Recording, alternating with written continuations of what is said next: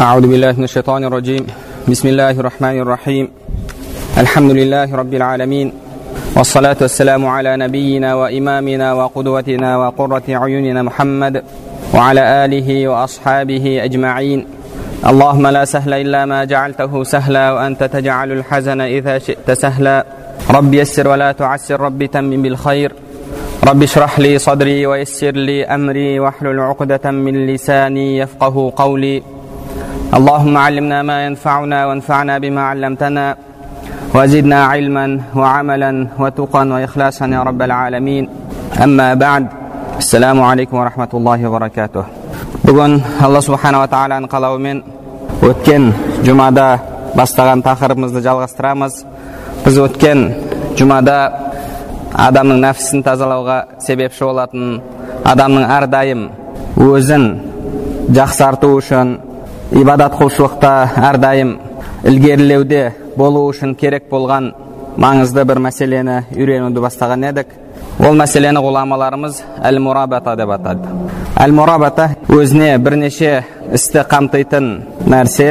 Біз өткен жолы айтқандай мурабатаның ең бірінші шарты әл мушарата яғни адамның өз нәпсісімен келісім шартқа отыруы өзіне міндеттер жүктеу дегенбіз. Және екінші шарты сол келісілген өзіне жүктеген міндеттерді орындап жатыр ма орындап жатқан жоқ па соны бақылау себебі бұл дүниенің өзінде адамдар біреуді жұмысқа қабылдаса бірінші онымен келісім шарт түзеді және одан кейін жұмысшы қызметкер сол келісім шартты орындап жатыр ма орындап жатқан жоқ па соны бақылайды сол сияқты адамда өзін екінші бақылау керек және біз бақылаудың абзалдығы жайында айтқан едік жалпы адам өзін бақылау деген не? Бақылау деген жүректің бір сондай халде болуы әрдайым алла субханала тағаланы көріп тұрған сезіну. Бұл дүниенің өзінде біз қарайтын болсақ егер бір адам үлкен бастықтың патшаның алдына кіретін болса патшаның көріп тұрғанын әрбір іс әрекетіне қарап тұрғанын сезінеді сол үшін де ол қалтырап дірілдеп өзінің не істеп не қойып жатқанын да білмей қалады. Неге? Себебі мен патшаның алдында тұрмын патша мені бақылап тұр мен қазір сөзімнен қателессем бір сөзді дұрыс емес айтып қойсам маған ашулануы мүмкін маған сөгіс беруі мүмкін деген ой оны орап алғандықтан да бір ерекше халде болады. Құранда алла субханала тағала бізге юсуф алейхисаламның қиссасын келтіреді. Юсуф алейхисалам бір топ әйелдердің алдынан өтеді. Сонда олар өздерінің қолдарын кесіп алады. Құранда алла субханала тағала айтады. Юсуф алейхисаламды асырап алған кісінің әйелі қаладағы әйелдердің өсегін естіген кезде оларға адамдар жіберіп орындықтар дайындайды. Алдарына жеміс жидек қойып пышақтар дайындап қояды. Бұл дегеніміз ол уақыты көп уақытын бәрін бекер істермен өткізіп жүрген әйел. Сол үшін ғұламаларымыз айтады адам егер күнәға түсуді қаламаса оның бірден бір себебі уақытты жақсы пайдалы амалдармен толтыру. Адамда қашан бездельничество деген нәрсе пайда болады ол адам күнәға бейім болады юсуф алейхисаламды асырап алған кісінің әйелі уақыты көп еді уақыты бос еді үйінде отыратын ертеден кешке дейін юсуф алейхисалам жүргенін тұрғанын қимылдағанын бәрін бақылап шайтан азғырып соңында күнәға шақырады. Бұл жерде де оның уақыты көп. Орындық дайындап жатыр жеміс жидек пышақтар дайындап. Олар келген кезде юсуф алейхисаламға шық деді. Юсуф алейхисалам оның қызметшісі. Көрген кезде қолдарын кескілеп тастады деді мынау адам емес мынау періште деді енді соншалықты сол мезетте сол уақытта көрген кезде олар өздерін түгелдей ұмытып қойды қолын кесіп жатқанын сезбей қалды яғни адамда егер бір сезім күшейетін болса оны түгелдей баурап алатын болса ол бір ерекше халге түседі бізде ислам тарихында сондай адамдар өткен олардың иманының күштілігінен әрбір іс әрекетінде алла субханала тағаланың көріп тұрғанын сезінетін болған. Сол үшін де олар әрдайым өздерін бақылаумен өткен. Сол ғұламалардың бірі басқа бір ғұлама айтады бірде бір мешітке кірдім сонда бір топ адамдарды көрдім әңгімелесіп отыр екен бір шетте бір адамды көрдім жеке өзі отырған мен жол сұрауға кірген едім мешітке дейді әлгі жалғыз отырған адамға барып маған жол көрсетіп жіберші дедім жол қайда алып барады деген кезімде аспанды көрсетті дейді яғни баратын жерің сол жақ деді неге жалғыз отырсың мына адамдар сөйлесіп отыр ғой десем мен жалғыз отырған жоқпын деді мен ешқашан жалғыз болған емеспін менімен раббым бар және екі періштем бар деді яғни бұл адам алла субханала тағаламен бірге екендігін сезуде шыңына жеткен адам осы сезімді мұрақаба деп атайды бір ғұламаның шәкірттері болған екен бір шәкіртіне ерекше көңіл бөледі басқа шәкірттері неге бұны басқалардан артық көреді неге бізден бұны өзіне жақынырақ ұстайды бәріміз де шәкіртпіз ғой деген ойға барады бір күні әлгі ұстазы олардың бәріне бір бір құстан алып ешкім көрмейтін жерге барып сойып келіңдер барлығы бір бір құстан алып біреуі үйіне кіреді біреуі сарайына кіреді біреуі тағы бір жерге кіріп есікті де тесікті де жабады сөйтіп бауыздап алып келеді тек қана әлгі шәкірт қана алып кеткен құсын тірі алып келеді ұстаз сұрайды «Ә, не болды сойдыңдар ма десе барлығы иә бауыздадық сойдық ешкім көрген жоқ қой десе жоқ ешкім көрген жоқ деді әлгі шәкірттен сұрайды сен неге бауыздамадың десе мен ешкім көрмейтін жер таба алмадым дейді қайда барсам да алла субханала тағала мені көріп тұр дейді сонда басқа шәкірттер ұстазы неге оны өзіне жақын тұтатынын түсінген дейді адам бір істі істерден алдын өзін бақылау керек яғни бақылау деген істі істерден алдын болады бір істе істемекші болып жатса не үшін істейін деп жатырмын алла ризашылығын істейін деп жатырмын ба немесе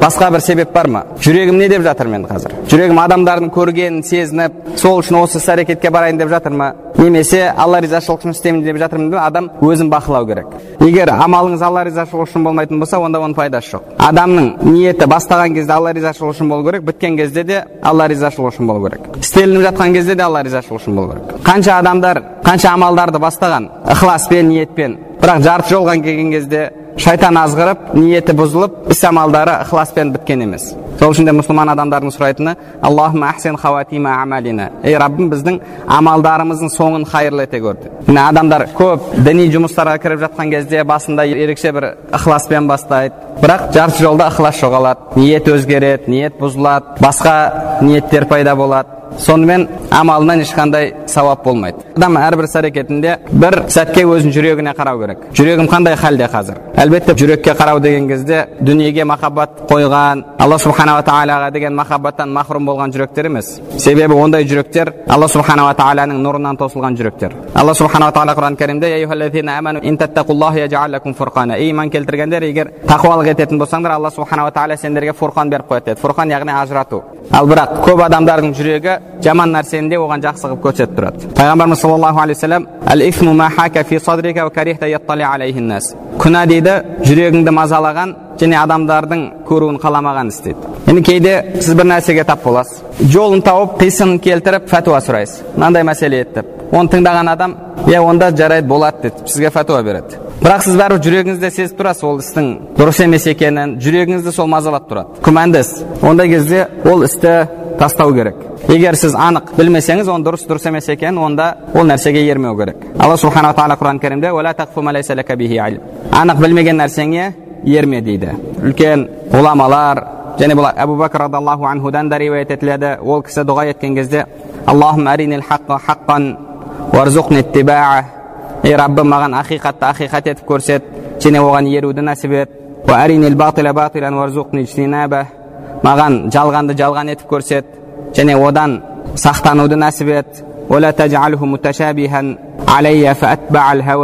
Және оны күмәнді істерден етпе көңіл қалауыма еріп кетпейін деп айтатын еді айса алейхисаламнан да риуаят етіледі ол кісі айтады әл умуру сәләсә істер үш түрлі болады деді. Бір іс дұрыстығы көрініп тұр оған ер дейді. Екіншісі дұрыс еместігі көрініп тұр одан сақ бол деді үшіншісі дұрыс дұрыс емес екенін анықтау қиын болған іс оны білім иесіне яғни алла субханала тағалаға қалдыр дейді. Бұны имам табарани ибн аббас радиаллаху анхумадан келтіреді. Яғни адам іс әрекетті бастамай тұрып өзіне қарау керек өзін бақылау керек. Не үшін істеп жатырмын алла ризашылығы істеп жатырмын ба немесе көңіл қалауыма еріп істеп жатырмын ба шахуатым үшін істеп жатырмын ба адамдар үшін істеп жатырмын ба егер ол ибадат құлшылық болатын болса бірақ ниетінде адамдар көрсін деген болатын болса онда ол іске бармау керек ниетін бірінші түзету керек али радиаллаху анху әл хауа шарикул ама көңіл қалауына еру бұл соқырлықтың серігі дейді және енді күмәнді істерге келетін болсақ ондай кезде тоқтау алла субханала тағаланың ол адамға берген жақсылығы деді одан кейін ол іс маған қатысты ма қатысты емес па маған пайдасы бар ма жоқ па соның бәрін қарау керек бұл да өзін бақылаудың ішіне кіреді рұқсат етілген амал болатын болса мүбах болатын болса бірақ пайда болмаса оған тікелей қатысы болмаса онда ол істі тастау керек себебі пайғамбарымыз саллаллаху алейхи уассалам адамның дінінің көркемдігінен өзіне қатысты болмаған нәрсені тастау деді және екінші өзін бақылау ол сол іс әрекетті жасап жатқан кезде ол істің харам емес екенін білдіңіз дұрыс екенін білдіңіз. Енді сол іс әрекетті істеп жатқан кезде адам өзіне қарау керек. Себебі әрбір адамның амалы қабыл етілу үшін үш сұрақтан өтеді. Біріншісі не үшін істеді? Кім үшін істелінді? Екіншісі қалай істелінді? Үшіншісі қалай бітті? Қандай ниетпен бітті? Егер осы үш сұраққа үш талапқа жауап берсе ол амал иншалла жақсы амал. Яғни әрбір іс әрекетте фарызда болсын сүннетте болсын мубахта болсын. Мубах яғни оған күнә да жоқ сауап та жоқ тамақ жеу ішу жеу жату деген сияқты нәрселер соның өзінде де соның әдебін сақтаса ниетін түзетсе оның өзі құлшылыққа айналады е мысалы адам отыр отырған кезде абзалы қыблаға қарап отыру отырыстардың ең жақсысы қыблаға қарап отыру имам хакем бұны ибн аббас радиаллаху анхумадан келтіреді бұл да адам өзін бақылау мубахтың өзінде жатпақшы болып жатса оң жағымен жату қыблаға қарап жату. Бұл да адамның өзін бақылау. Тамақ ішіп жатқан кезде тамақтың әдептерін сақтау ниетін түзету. Мен осы тамақтың күшімен құлшылық жасасам мынандай адамдар мұсылмандарға көмектессем тағы да басқа жақсы ниеттерді ниет ететін болса ол адамның істеп жатқан мубах ісінің өзі ибадат құлшылыққа айналады алла субханала тағала оған ниетіне жараса сауап береді сол үшін шынайы тақуалар шынайы алла субханала тағаланың құлдары күнделікті іс әрекеттерінің өзін ниетін түзетумен құлшылыққа айналдырады яғни мұсылман адам күнделікті іс әрекетін құлшылыққа ниетін түзетумен айналдыру керек ал біз керісінше құлшылықтың өзін күнделікті жасалынатын іс әрекетке яғни әдетке айналдырып алдық. Шынайы тақуалар әдеттерін құлшылыққа айналдырады. Ал біз құлшылығымызды әдетке айналдырып алдық. Намазға тұрамыз ойымыздың бәрі басқа жақта. Күнделікті әдетке айналып қалған әйтеуір намазға тұрғаннан аллаху акбар деп кіргеннен намазды бітіргенше дүниенің түкпір түкпірін дүниеге қатысты барлық нәрсені ойлап шығамыз. Күнделікті іс әрекетке айналып қалды. Ниеттің жоқтығынан. А мұсылман адам керісінше мубах істерінің барлығын құлшылыққа айналдыру керек. Дәретханаға кіргенде де егер біз әдебін сақтайтын болсақ ол да адам өзін бақылаудан. Мұсылман адам жалпы үш халдің бірінде болады. Ол не ибадат құлшылықта болады не күнәда болады не мубахта болады. Ибадат құлшылықта болған кезде адам өзін бақылауы сол ибадат құлшылықты дұрыс орындау алла ризашылығы үшін орындау. Адам күнә істеп жатқан кезде де өзін бақылау керек. Күнә істеп қойды ма нәпсісіне беріліп онда алланы көріп тұрғанын сезініп е мен осы үшін жауап беремін ғой ертең бұның жауабы ауыр ғой деп өзін бақылап тәубе етіп сол күнәдан шығу сол күнәні тастау. Егер мубахта болатын болса соның әдеттерін орындау ниетті түзету яғни барлығында адам өзін бақылауы керек адам бұл дүниеде не жақсылықта болады жақсы күндерде жеңіл күндерде болады ол кезде де адам өзін бақылау керек сол жақсылық үшін аллаға шүкіршілік етіп аллаға мақтаулар айтып сол нығметті сезіне білу керек немесе адам қиын жағдайларда болады ол кезде де адам өзін бақылау керек өзін бақылауы басына қиын күн түскен кезде қиын жағдайларда сабырлық етіп алла субханала тағаладан соның сауабын күту. Яғни адам жақсы кезде жақсы күндерде аллаға мақтау айтатын болса аллаға шүкіршілік ететін болса алла оған сауабын береді шүкіршілік еткені үшін нығметін тағы да көбейтіп береді. Қиын күндерде сабырлық етсе алланың жазғанына разы болса алланың тағдырына көнсе жақсылық жамандық алладан деп білсе алла субханала тағала оның сабырлығы үшін сауап береді. Иншалла оны сол қиын күндерден шығарады. Адам не қиындықта болады не жеңілдікте болады. Қиындықты да жіберетін жеңілдікті де жіберетін алла субханала тағала. Ол адамның тағдырында бар. Адам өзінің тағдырын таңдай алмайды. Біздің қолымыздан келетін нәрсе не шүкіршілік ету жақсы күндер үшін не сабырлық ету жаман күндер үшін. Яғни жақсы күн жаман күндерде де сіз не ұтыспен шығасыз не ұтылыспен шығасыз егер шүкіршілік етсеңіз жақсы күндерде ұтыспен шығасыз егер күфірлік етіп құранда алла субханала тағала айтқандай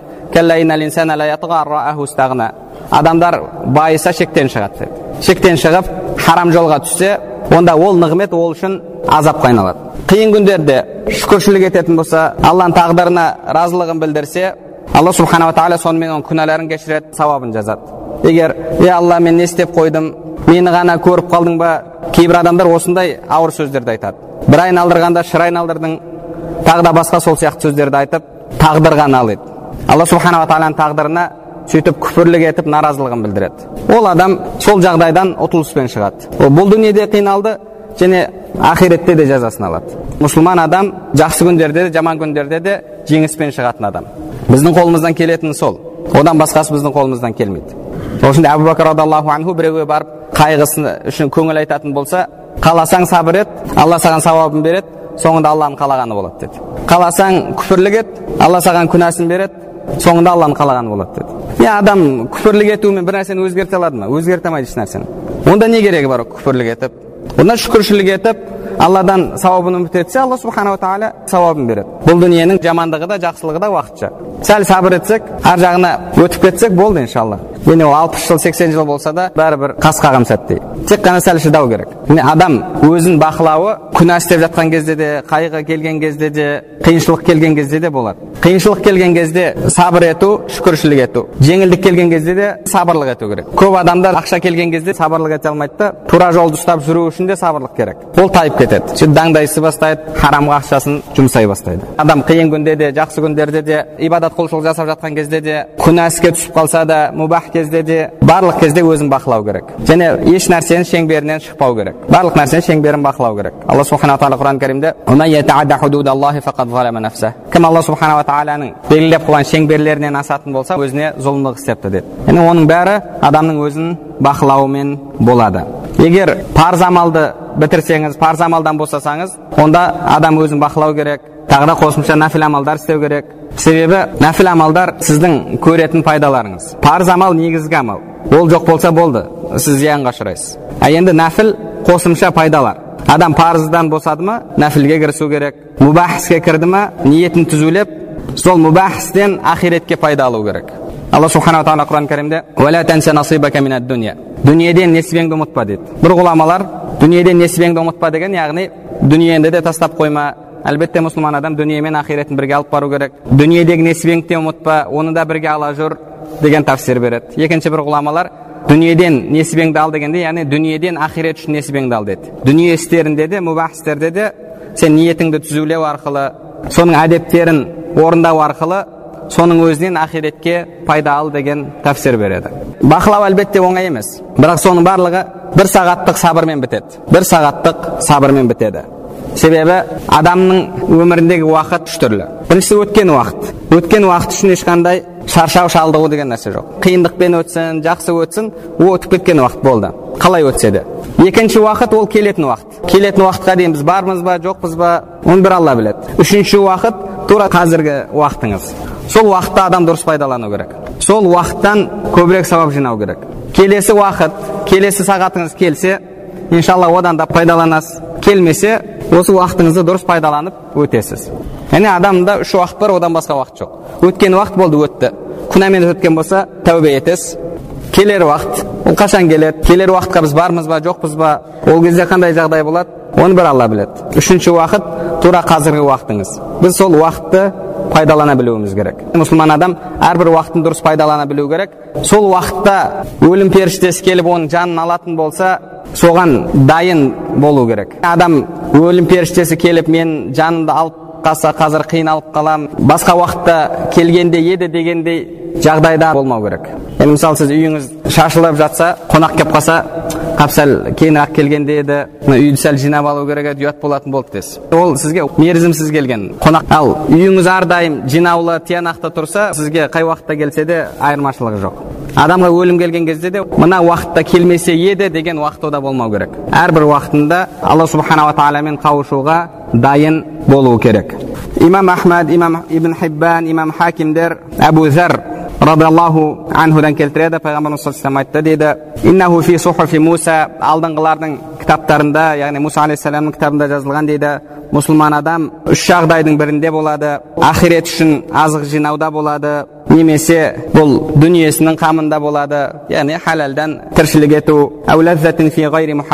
немесе харам болмаған ләззаттануда болады және ақылды адамның төрт сағаты төрт уақыты болу керек дейді. Раббысына мінәжат ететін уақыты өзіне есеп қисап беретін уақыты алла субханала тағаланың жаратылысында пікір жүргізетін уақыт және ішу жеу үшін яғни денесінің ақысын өтеу үшін бөлінетін уақыты дейді. Ішіп жеп жатқан кезде де адам алланы зікір етуден пікірден ажырамау керек. Тамақ жеп жатқан кезде дейді ғұламаларымыз тамақтың әдебінен біріншісі зікір деді бастап жатқан кезде бисмилля деп алланың атымен бастау. Және екіншісі пікір.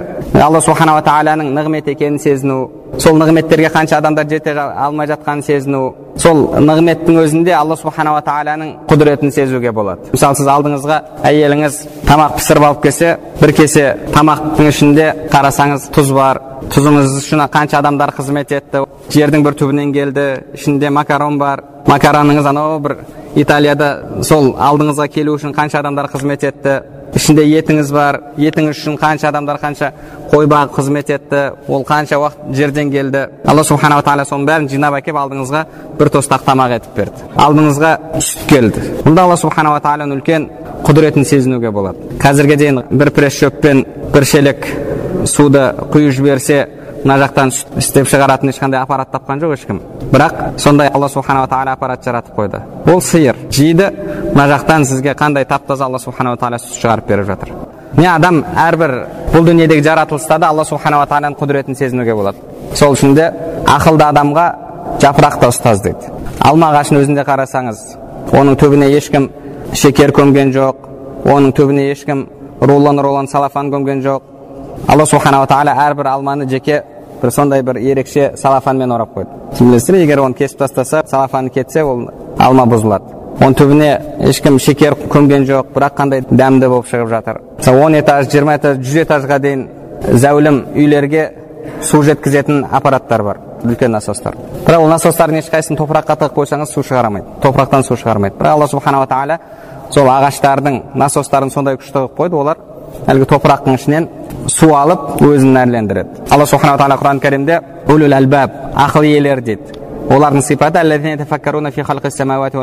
олар аспан жердің жаратылысында ішіп жатқан тағамында барлық нәрседе пікір жүргізеді деді ғұламаларымыз осы алла субханала тағала нығметтеріне қатысты адамдарды екіге бөледі бірінші адамдар алладан қорыққан адамдар ақыл иелері алдына нығмет келген кезде олар пікір жүргізеді сол нығметтің қадірін сезінеді нығмет алла субханала тағаладан екенін соның ішінде қанша ғажайып нәрселер жатқанын ойланатын адам. Бірде сол тақуа кісілердің бірі аллаху алам хасан рахмауллах болу керек. Сол кісіге ыдыста мұздай су берілген кезде ішейін деп жатып есінен танып қалады. Есіне келген кезде сұрайды не үшін есіңнен танып қалған деген кезде ол кісі мұздай суды ұстап тұрған кезінде тозақ иелерінің халі есіме түсті деді алла субханала тағала тозақ иелерінің халін құранда келтіреді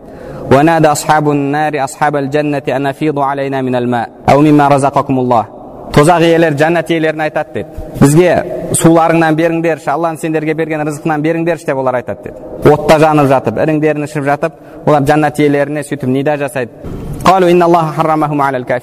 жәннат иелері бұны алла сендерге харам етті деп айтады деді яғни сол мұздай суды ішейін деп жатқан кезде қияметте ертең тозақта адамдар жанып жатқан кезде сол суға зар болатынын есіне түсіріп соны көтере алмадым деген шынайы алла субханала тағаладан қорыққан адамдар әрбір іс әрекетінде пікір жүргізеді және екінші түрлі адамдар олар тек қана сол нығметті көреді да нығметтің иесін көрмейді тамақты көреді о тамақпен мәз болады егер тамағы нашар болса оған наразы болып мен қазір қара нан мен қара су ішіп жатырмын осы кезде басқа адамдар столында неше түрлі тамақтар жеген алдында жемеген артында бұл дүние қандай әділетсіз еді деп өзінің тамағына наразы болып басқалардың тамағын аңсап тамақ сәл нашарлау болып қалса ол алланың нығметі деп қарамайды істеген адамды боқтап енді нығметті сезінбейтін адамдар.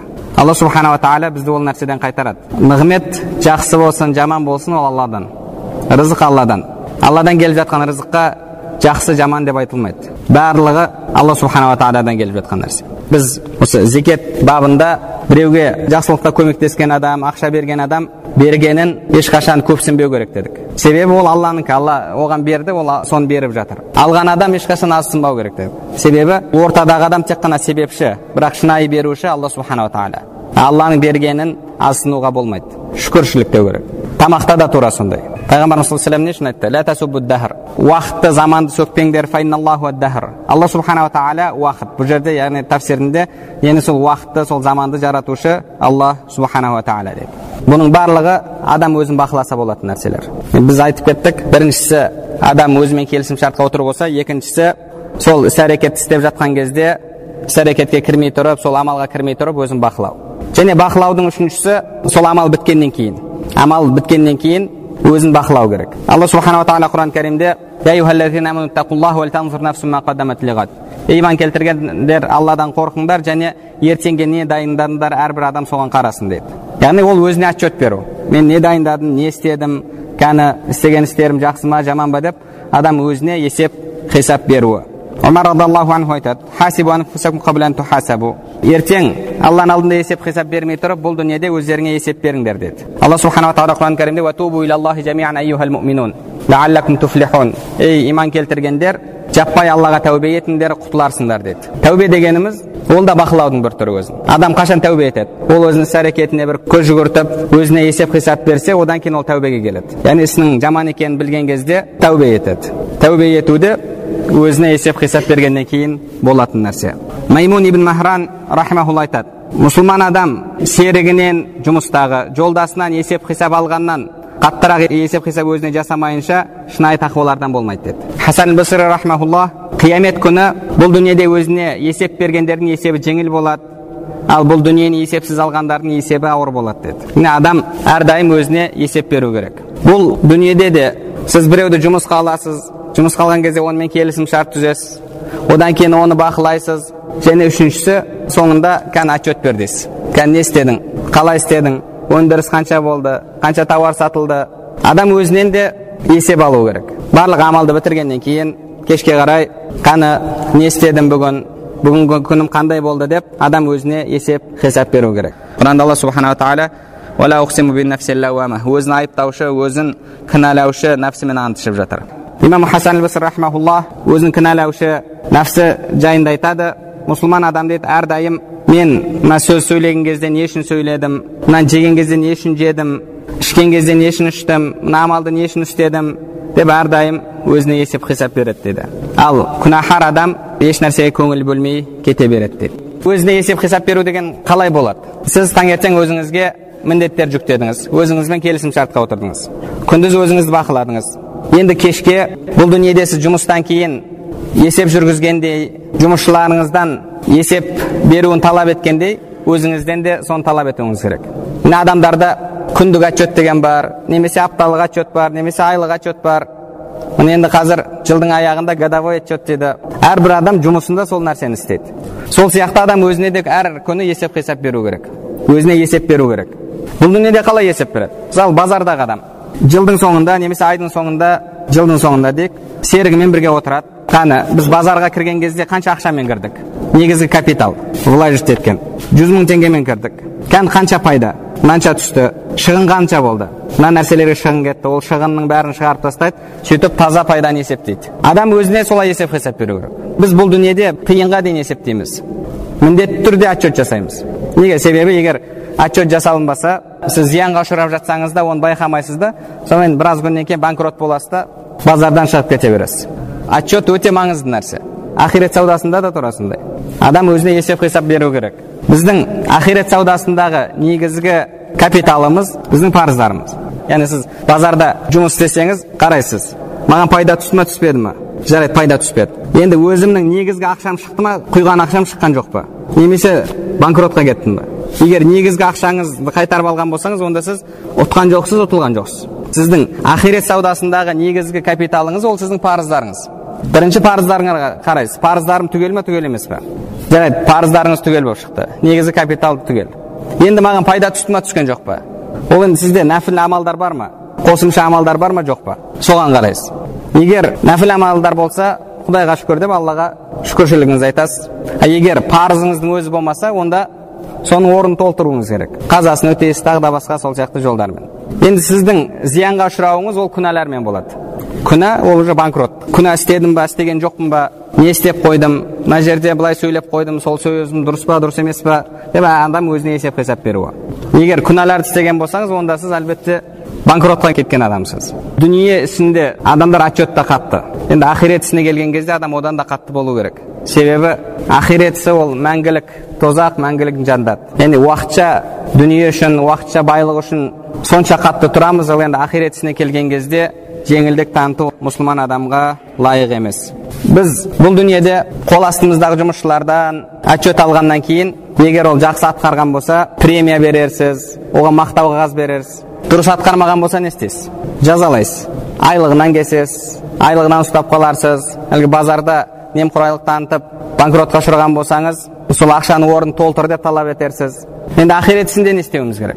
Ақирет ісінде адам өзіне есеп қисап берсе отчеты дұрыс болмай шықса онда адам өзін жазалау керек. Адам өзін жазалау керек. Себебі сіз бұл дүние ісінде қол астыңыздағы жұмысшыны қателіктері үшін сізге зиян келтірген үшін материалдық шығын келтірген үшін жазаламасаңыз ол ертең сол ісін қайталай береді. Айтады ей не дейді әшейін бір екі ауыз сөз айтады да қояды ғой дейді ол мәселеге жеңіл қарайды сол үшін де сіз дүниесінде жестко тұрасыз енді ақиретісінде де тура сондай сіз егер күнәға барып қойған болсаңыз өзіңізді жазалауыңыз керек бұл дүниеде мысалы үйіңізге бір қымбат диван алып келсеңіз балаңыз ойнап жүр оны пышақпен кесіп тастаса тесіп тастаса сіз сол үшін оны ұрасыз неге сізге дүниеңізде шығын келтіріп жатыр а енді нәпсіңіз одан да артығырақ жазаға лайық себебі сіздің ақиретіңізге ол шығын зиян келтіріп жатыр. Адам өзін жазалау керек. Жазалау қалай болады? Оны иншалла алла нәсіп етсе сәрсенбі күні өтеріміз үйренеміз иншалла. Алла субханала тағала бәрімізді тақуалардан етсін. Алла субханала тағала бәрімізді әрбір іс әрекетінде алланың көріп тұрғанын бақылайтын соны сезінетін әрбір іс әрекетінде өзіне есеп қисап беретін алла субханала тағаланың шынайы тақуа құлдарынан етсін алла субханала тағала бәрімізге пайдалы білім нәсіп етсін білімдерімізге амал қылуымызды амалдарымыздың қабыл болуын нәсіп етсін سبحانك اللهم بحمدك نشهد ان لا اله الا انت نستغفرك ونتوب